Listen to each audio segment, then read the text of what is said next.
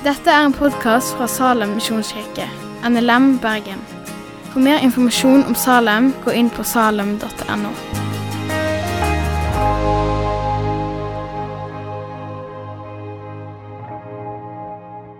Kjære Jesus, takk for at du er her. Takk for at du er i hjertene til hver av de av oss som tror på deg. Takk for at du er midt iblant oss fordi vi er samla i ditt navn, og at du virker på oss og i oss og gjennom oss og mellom oss. Takk for at du er her og styrker og skaper fellesskapet i oss. Takk for tilbedelsen vi har fått lov til å ta del i.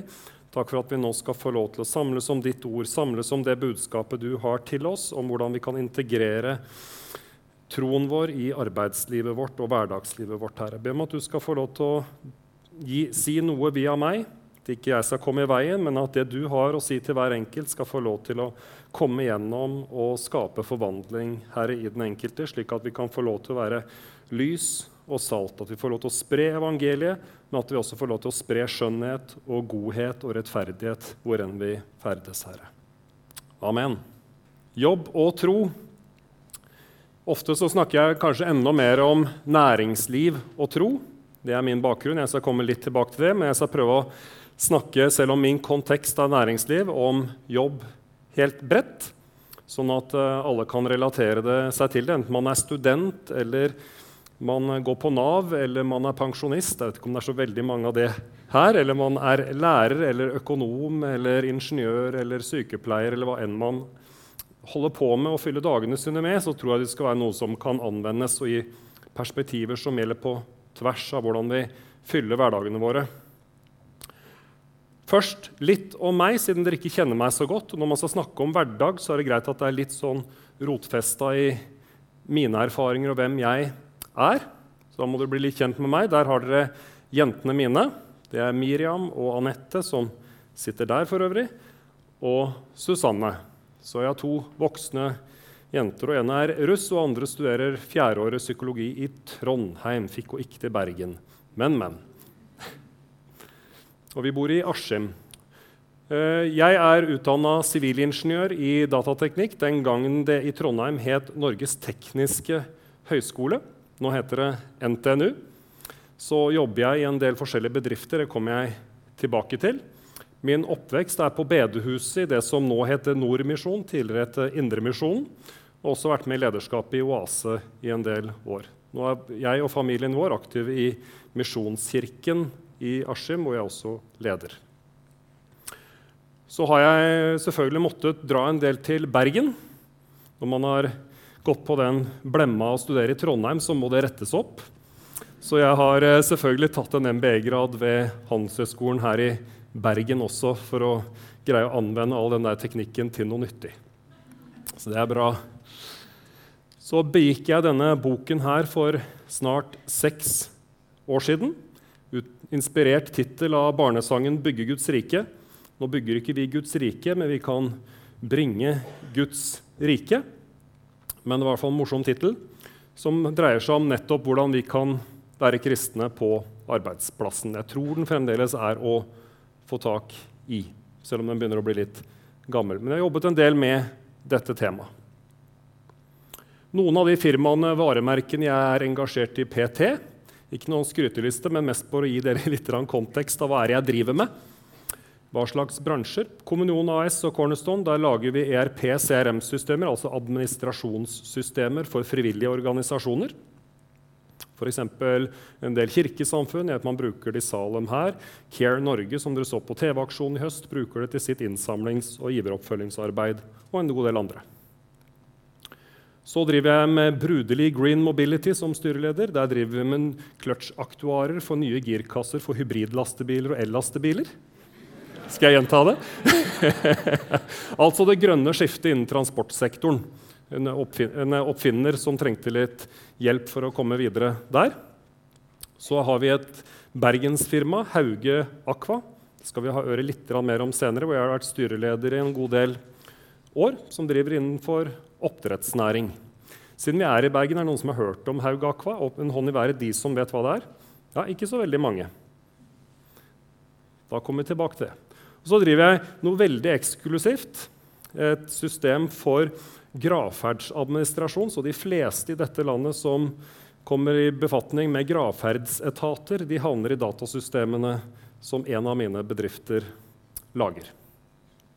Så mye forskjellig. Altså fra IKT til automotivteknologi til oppdrettsteknologi er det jeg sysler med, enten som daglig leder eller som styreleder. Så det er jeg skrudd sammen for, og det er det som gir meg mening i forhold til hva jeg skal få til der ute. Så har det noe å si hvordan jeg får det til. Hovedbedriften der jeg er i daglig, heter Kommunion. Vi er 19 stykken. En del av de har vi her. Eh, der ser dere kontorene våre i Askim og i Moskva og i Kiev, så vi er foreløpig i tre land. Så Norge, Russland og Ukraina. Så det er spennende. Så håper vi snart å få et kontor på bakken i Texas. Don't mess with Texas. Så vi får se om vi får til det. Men eh, det er moro å jobbe internasjonalt også, med kristne også i andre land, og få til ting som kan funke andre steder. Så det bruker jeg mye tid på. Som sagt, utdannet ved den katedralen der. Det, vi pleide å spøke med det at eh, på tidlig 90-tall når jeg gikk der, så kom det busslaster med japanske turister som kom ut med noen svære Nikon-kameraer rundt halsen og skulle ta bilde av Nidarosdomen. Siden dere er i Bergen, det er ikke Nidarosdomen. Det er, det er Gløshaugen, hovedbygget på NTNU, som det heter nå. Men eh, det er klart at eh, jeg brukte mye tid på å finne ut hva var det jeg skulle med livet mitt. Hva var det jeg skulle bli? Hva var det jeg var god til? Hva var det Gud Hvorfor skapte Gud Anders? Hva ville han med en sånn som meg? Og de vennene mine som ble misjonærer i Etiopia og Mali De hadde jo et kall, de. Mens jeg skulle bare prøve å komme inn på sivilingeniørstudiet og tjene penger, var det fort gjort å tenke. Og Det kunne kanskje føles som det er Gud har en sånn rangordning. Her oppe har du misjonærer, og så har du pastorer og prester, og så diakoner rett under der. Og så kommer selvfølgelig leger og sykepleiere og lærere. Og, og et stykke her nede så kommer næringslivet. Nå er det sånn at 68% av alle som er i yrkesaktivt arbeid i Norge, jobber i næringslivet. Så det er de fleste. Over to tredeler av det yrkesaktive er i en eller annen form for næringsliv. Så jeg tror næringslivet har en nødvendighet. Det kommer til å komme tilbake til. Akkurat som alle biter av samfunnsmaskineriet, med få unntak. Jeg har ennå ikke skjønt det der greiene med TikTok. Men det meste spiller en eller annen rolle og henger sammen på en måte som gjør at det eksisterer et samfunn hvor mennesker kan leve og ha det godt. Noe som jeg tror faktisk er på Guds hjerte. Derfor tror jeg det er mening å lære seg ting som gjør at samfunnsmaskineriet er i gang, og at samfunn bygges. Så jeg tror faktisk det går an at Gud ønsker at noen skal bli både sivilingeniører og siviløkonomer og sosionomer og barnevernspedagoger og sykepleiere og lærere og renovatører og vaskehjelper og alt mulig. Jeg var på Lausanne-konferansen i eh, Filippinene nå i juni.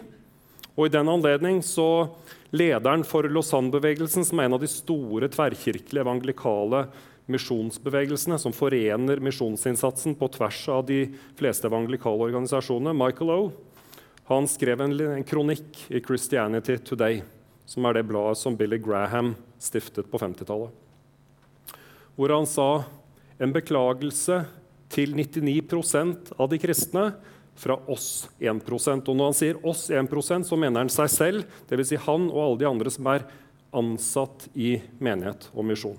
Har det henter lønna si derfra. Og han skriver dere, altså vi som ikke er ansatt i menighet og misjon, eksisterer ikke for å hjelpe de som er ansatt i menighet og misjon, med å utføre misjonsbefalingen. Det er vi som eksisterer for å hjelpe dere med å gjøre det. For hvis 2-3% maks av en menighet er staben, og man forventer at staben skal utføre misjonsbefalingen, er det rart da at få kommer til tro, og at staben blir utbrent? Men det er de 97, 98, eller som han sier, 99 prosent som skal gjøre det. Og så skal staben, menighetsmaskineriet, utruste og sende og muliggjøre, styrke dere til å kunne gjøre dette.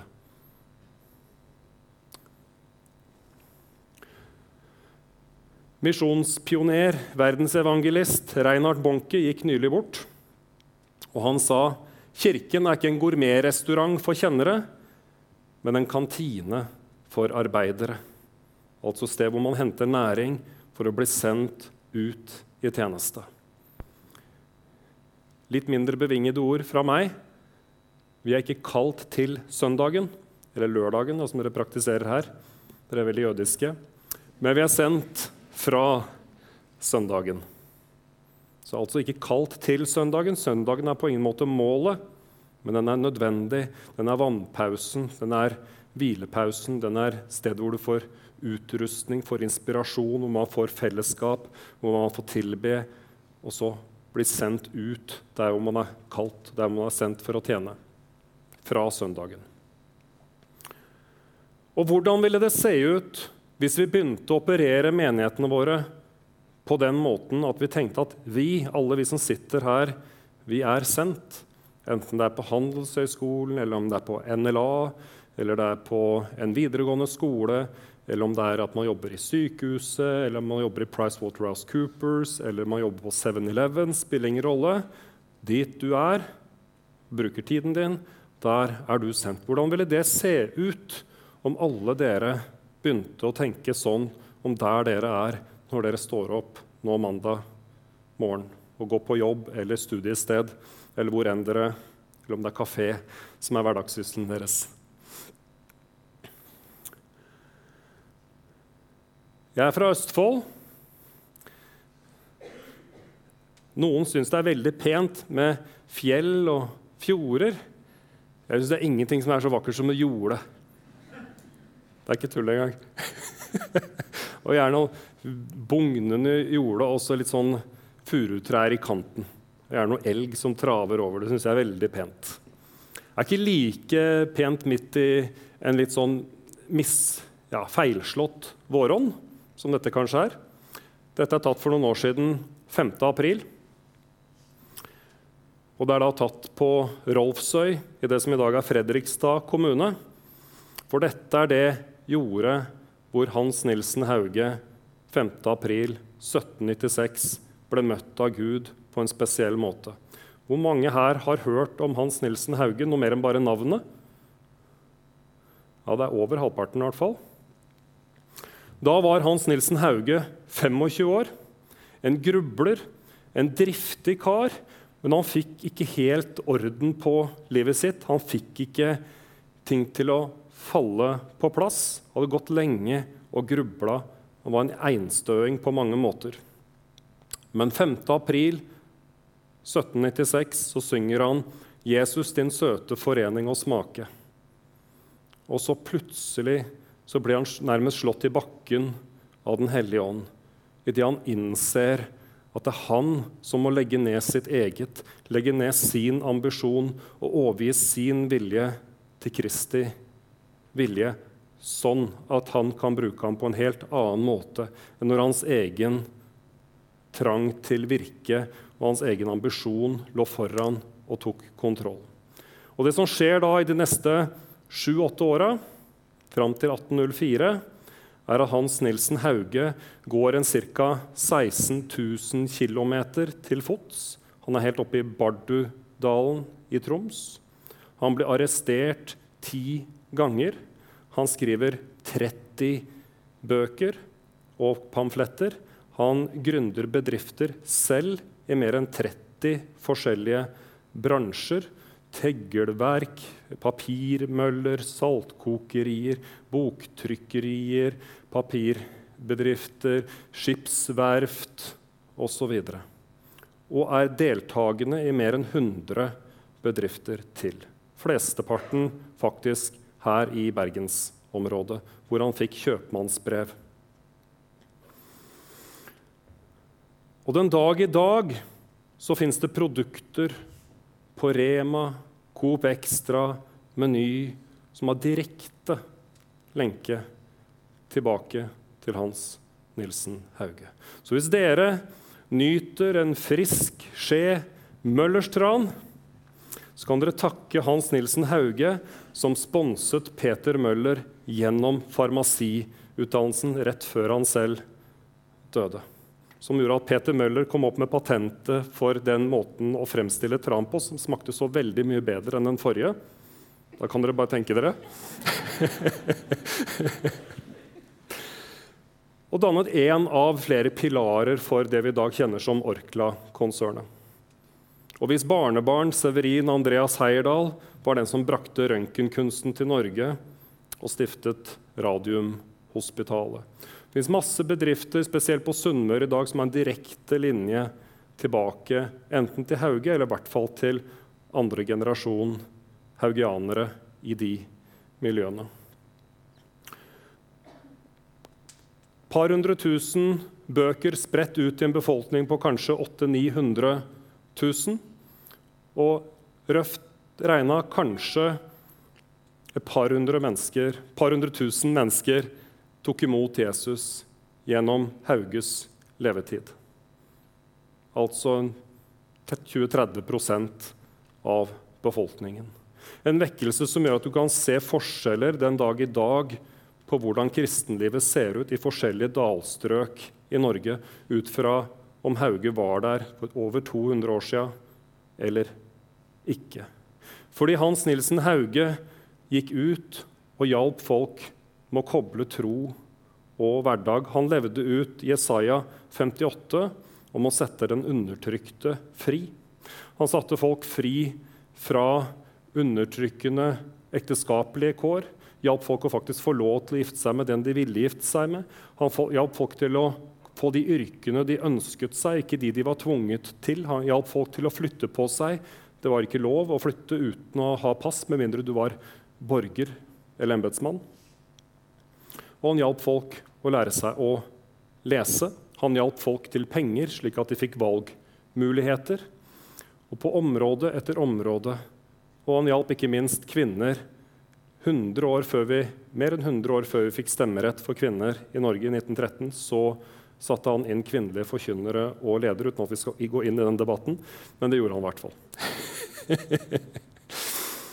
så på om, alle områder så satte han folk i frihet, og han satte de i tjeneste for å være nyttige og flittige. Han var alltid opptatt av at folk skulle bruke talentet sitt og forvalte det de var gitt på en måte som ga nytte for andre mennesker. Så hvis han kom til et sted, og han var, han var en mye brukt predikant, og de satt der med folda hender og venta på predikanten, så ble han kjempesint, jagde dem ut, for det var ennå sol, og sto med dem om det var slåtteånd eller hva det var nå som skulle gjøres.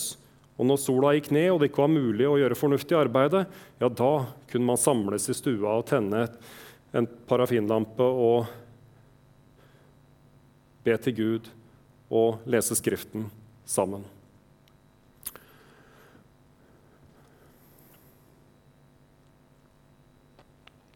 Det er tre ting i og med at dette ikke er et Hans Nilsen Hauge-foredrag, men jeg ville bare legge det som et fundament, at det er noe som har skjedd i Norge før. Og la meg også si det at uh, gudstjenestebesøket på Hauge sti var ikke så ille i Bergen. Da anslår man at ca. 6% av befolkningen gikk til gudstjeneste. Det er, det, er, kanskje, det er, ikke noe dårligere nå, tror jeg, men det er ca. det samme. Så det var ikke slik at alle gikk til gudstjeneste. Oslo var gudstjenestebesøket på Hauges tid en halv prosent, altså en tiendedel av hva det er i dag. Så det var ikke slik at folk gikk på gudstjeneste. Når de gikk på gudstjeneste, så fikk de stort sett potetprekener. Så altså en ganske religiøst tørt klima ved å forene tro og arbeid så fikk vi den største vekkelsen landet vårt har sett etter middelalderen. I hvert fall. Og Hva er fundamentet til Hauge? Det er tre ting som jeg har hvert fall funnet mening i å dele det opp i. Det ene er overgivelse til Kristus. For det var ikke slik at Den hellige ånd kom og nærmest voldtok Hauge og mot hans vilje gjorde han til en eller annen åndelig supermann.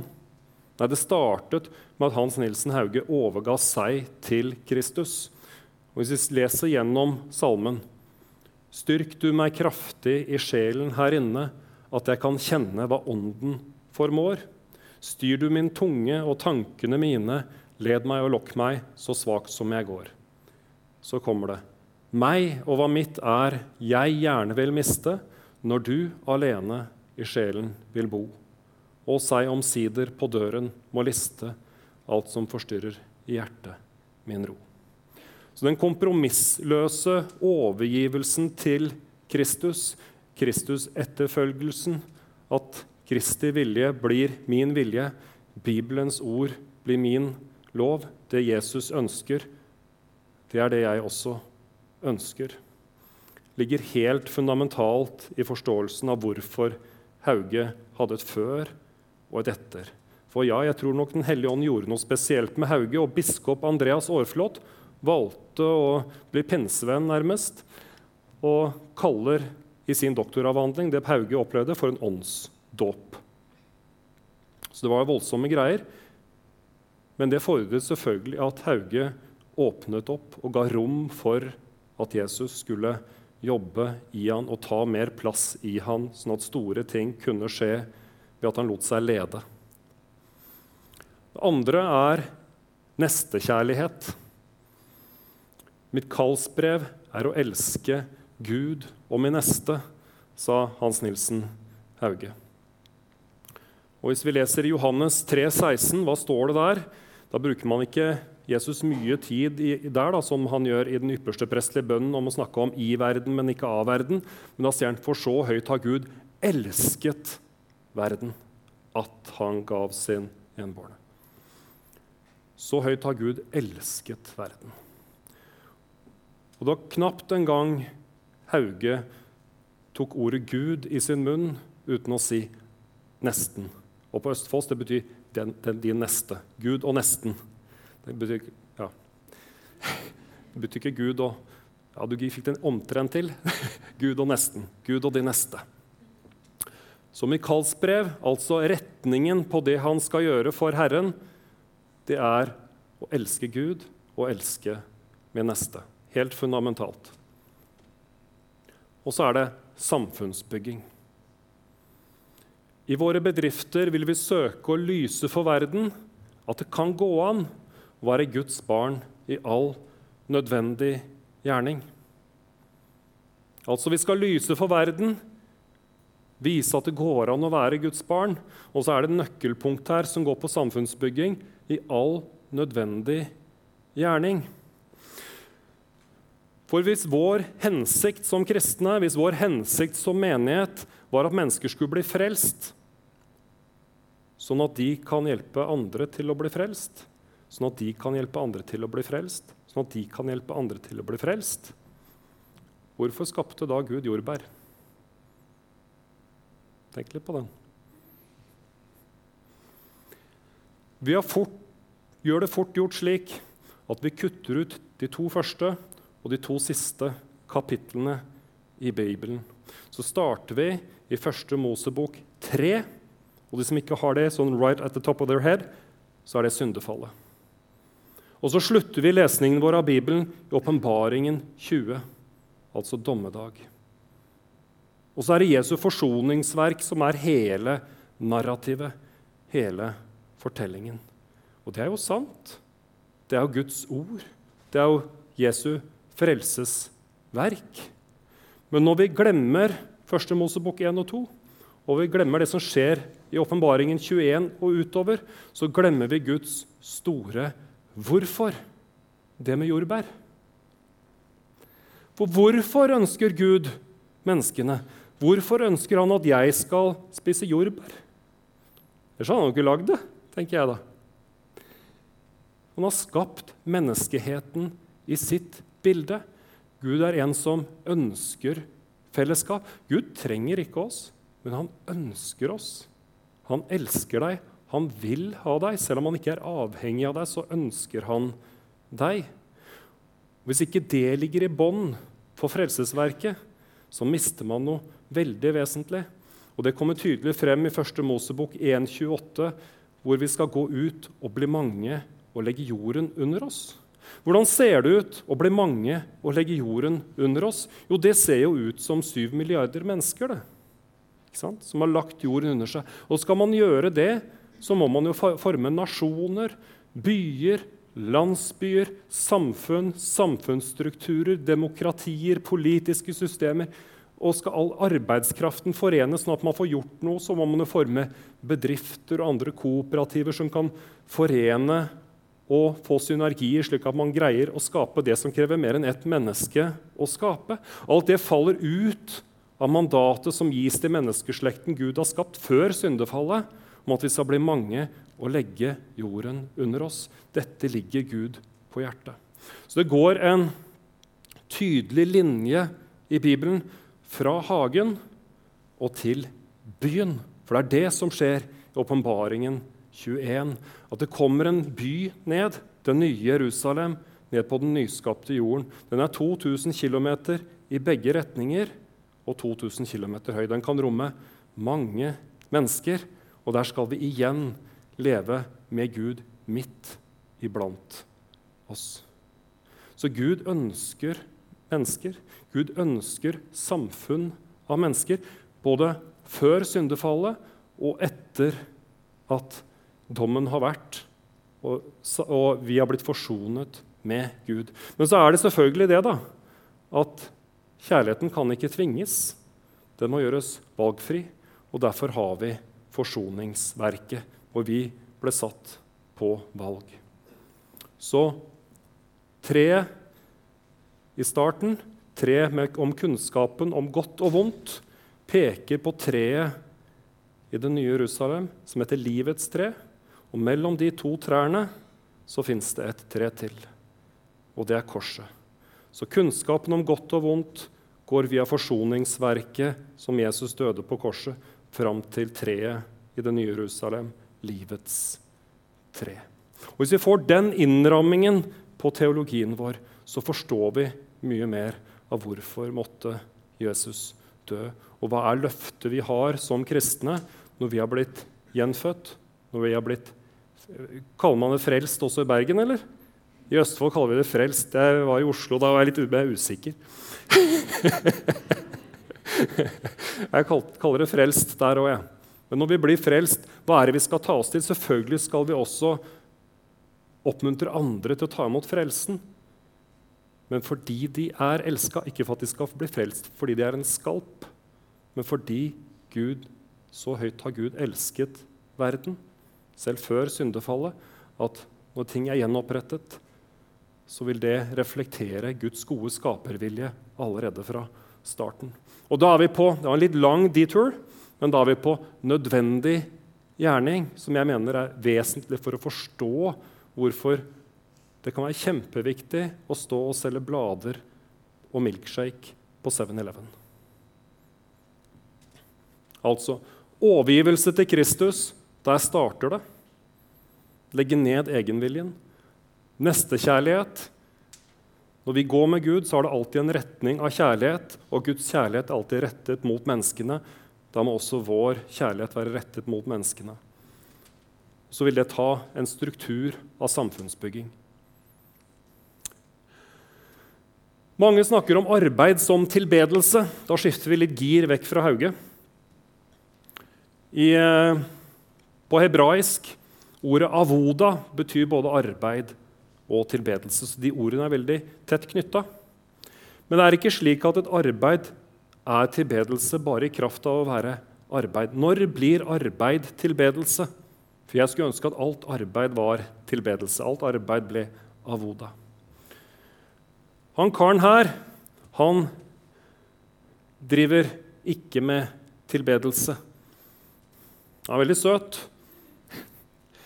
men han er opptatt av å få fars oppmerksomhet. Han er opptatt av å få fars skryt. Se så flink jeg er. Er ikke jeg god? Skryt litt av meg, pappa. Se hva jeg greier å skru sammen og mekke i hop her borte, da. Det er selvforherligelse. Kanskje basert på usikkerhet, men allikevel. Det er ikke tilbedelse. Og Gud, vår gode far, han lar seg ikke imponere. Han kan la seg glede, men han lar seg ikke imponere. Sånt arbeid er tilbedelse.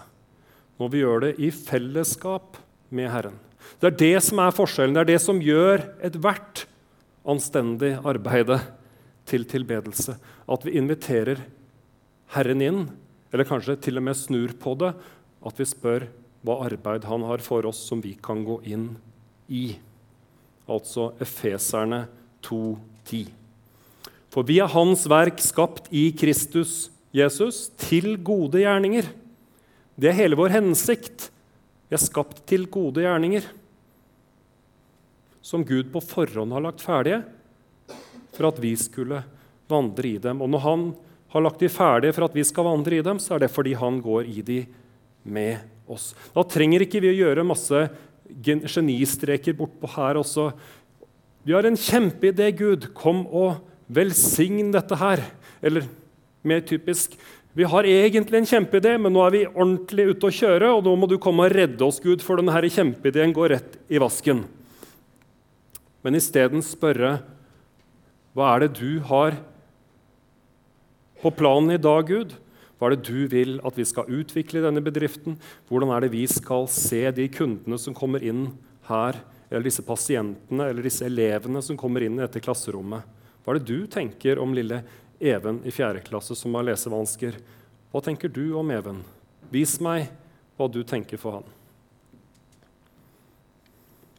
Dallas Willard, en kjent kristen veileder som gikk bort for noen få år siden, han sa følgende hvis vi virkelig ser Jesus som den fremste tenkeren i menneskeslekten, og hvem ellers skulle nå vært det, så er vi også i posisjon til å ære ham som den mest kunnskapsrike personen i vårt fagfelt, hva enn det måtte være, og spørre om hans samarbeid og assistanse i alt vi har å gjøre. På vår bedrift så har vi et bønnerom. Det ser sånn ut. Der samles vi til bønn hver dag klokken 11.30 før lunsj. Så der er det betalt bønn, nesten tvunget oppmøte. Og hvis vi har kunder på besøk, så inviteres de til å enten ta en telefon eller bli med. Noen blir med, noen syns det er greit å ta en telefon, og det er helt greit. Så der har vi bedt for den hersens naboen det er herlig å ta med ikke-kristne eller i hvert fall folk som ikke er vant til kristen sammenheng, inn i en kristen trospraksis og se hvordan de reagerer på det. Så vi fikk bedt for den naboen. Vi håper at det hjalp. og det har spredd seg litt, sånn at det hender at vi får folk som bare kommer innom. Vi, bor, vi er eh, midt i Askim sentrum, sånn at det er lett å komme innom. Så hender folk kommer og bare vil ha personlig forbønn, bønn for sykdom, den type ting.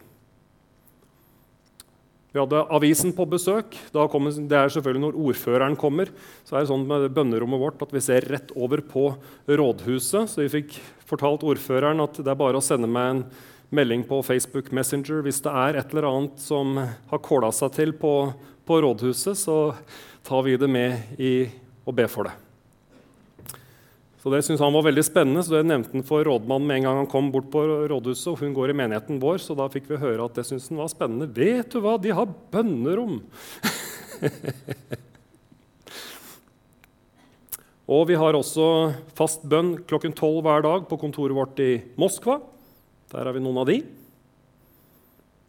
Så det er iallfall én måte, tenker jeg, og invitere dette gudsnærværet, åpne opp for Efeserne 2.10 og finne ut hva er det Gud har lagt ferdig på forhånd som vi kan vandre i. Hauge Aqua vi driver med oppdrettsnæring. Vi lager teknologi for lukket fiskeoppdrett primært. Dette egget er en oppfinnelse fra Cato Lyngøy, som er daglig leder der, hvor jeg har vært så heldig å få være styreleder en del år. Og her er et av vitnesbyrdene han fikk komme med i Dagens Næringsliv, hvor Herren ga meg ideen til eggeformen, sier gründeren. Og Bergens Tidende og Gud skapte egget. Hvor man får lov til å komme med et frimodig vitnesbyrd. Og vet dere, Dagens Næringsliv de bare, ja, Han sa han ba, og han fikk det i bønn. Da skriver vi det. Vi driver ikke med religion, vi. Så hvis han mener at det var sånn, så gjengir vi bare det. Vi Det er ikke det vi er kritiske til. Vi er mer opptatt av funker det og lønner det seg. Så det skrev de om. og det er klart, når vi ber om Guds veiledning i ting som har av mer økonomisk karakter i næringslivet, så ber vi jo ikke om rikdom. Vi ber ikke om og ser ikke på Gud som en unfair business advantage, et urettmessig fortrinn i næringen.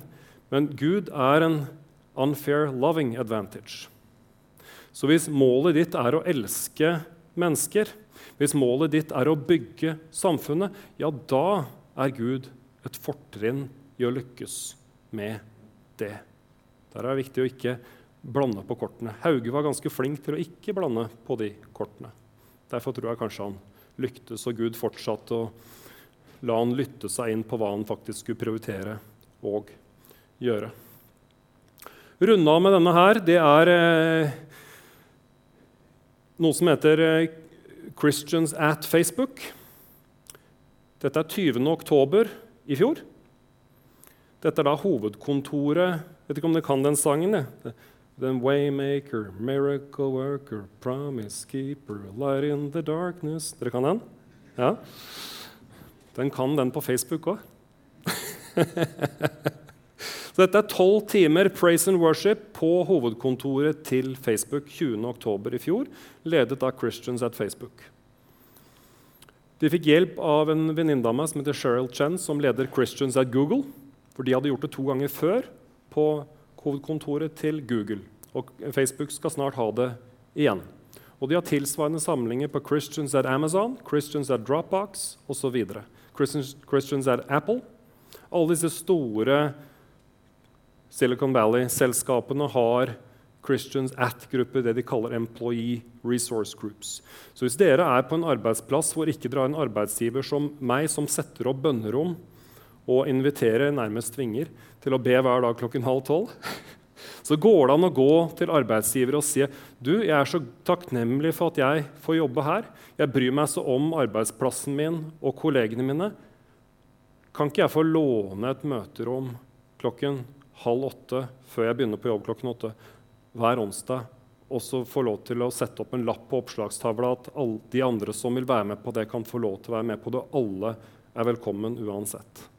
Og Hvis det er noe du vil vi skal be om, så er du selvfølgelig fri til å sende meg en mail. Så tror jeg veldig få sjefer ville sagt, kristne eller ikke, sagt at nei, det er jeg imot. Og Spesielt hvis dere forteller dem at det er noe i Silisiumdalen borte i California som heter Employee Resource Groups, hvor det fins ikke en bedrift som ikke har Christians at, som driver med den type samlinger og oppmuntrer og legger til rette og gir de ressurser av bedriften for å få lov til å gjøre den type ting. Så rett og slett en slags moderne skolelagsbevegelse for de som er yrkesaktive, er i ferd med å komme til live midt i Silisiumdalen, Silicon Valley i California.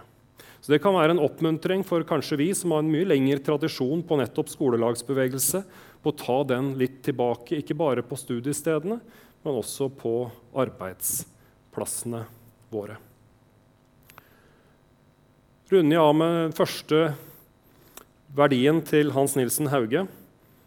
Han dør 29.3.1824 etter lengre tids sykeleie. Hans helse ble knekt den siste og tiende fengselsoppholdet han hadde på Akershus festning. Han levde en del år, tok imot teologiprofessorer og biskoper på Bredtvet i Oslo og fungerte som en rådgiver for de, i tillegg til at han sponset Peter Møller og Tran. Og det siste han sier til familien sin før han ånder ut, er Følg Jesus o du inderlig kjærlige Gud. Kjære Jesus. Takk for at vi får lov til å følge etter deg. Takk for at vi får lov til å komme til deg som den gode far du er, og si, 'Pappa, hva gjør du i dag?' Hva kan jeg få lov til å være med på i dag? Hva kan du bruke meg til i dag? Hva gjør vi nå, Herre? Takk for at vi skal få lov til denne mandagen å gå på med ny frimodighet og starte dagen med å spørre pappa hva gjør vi i dag? Hvilke mennesker sender du min vei i dag? Hvilke ideer, hvilke problemløsninger er det du bringer til meg i dag? Hvordan kan jeg raust få lov til å gi det videre og ikke knuge på det og være gjerrig med det, men dele av den godhet du har for mennesker på alle måter, enten det er nye perspektiver eller oppfinnelser eller bare gode ord, oppmuntringer til kolleger eller pasienter eller andre jeg jobber med, som kommer fra deg og fra ditt hjerte og fra ditt perspektiv. Hjelp oss å være dine hender og dine føtter og dine øyne og reflektere ditt hjerte kommende uke, arbeidsuke, studieuke, hverdagsuke. Herre, be om at du jobber på hjertene våre der hvor alt starter, i overgivelse til deg og i kjærlighet til vår neste ære. Amen. Takk for at du har hørt på podkasten fra Salem, Bergen. I Salem vil vi vinne, bevare, utruste og sende. Til Guds ære. Vi ønsker å se mennesker finne fellesskap, møte Jesus og bli disippelgjort her i Bergen og i resten av verden. Vil du vite mer om oss, gå inn på salem.no.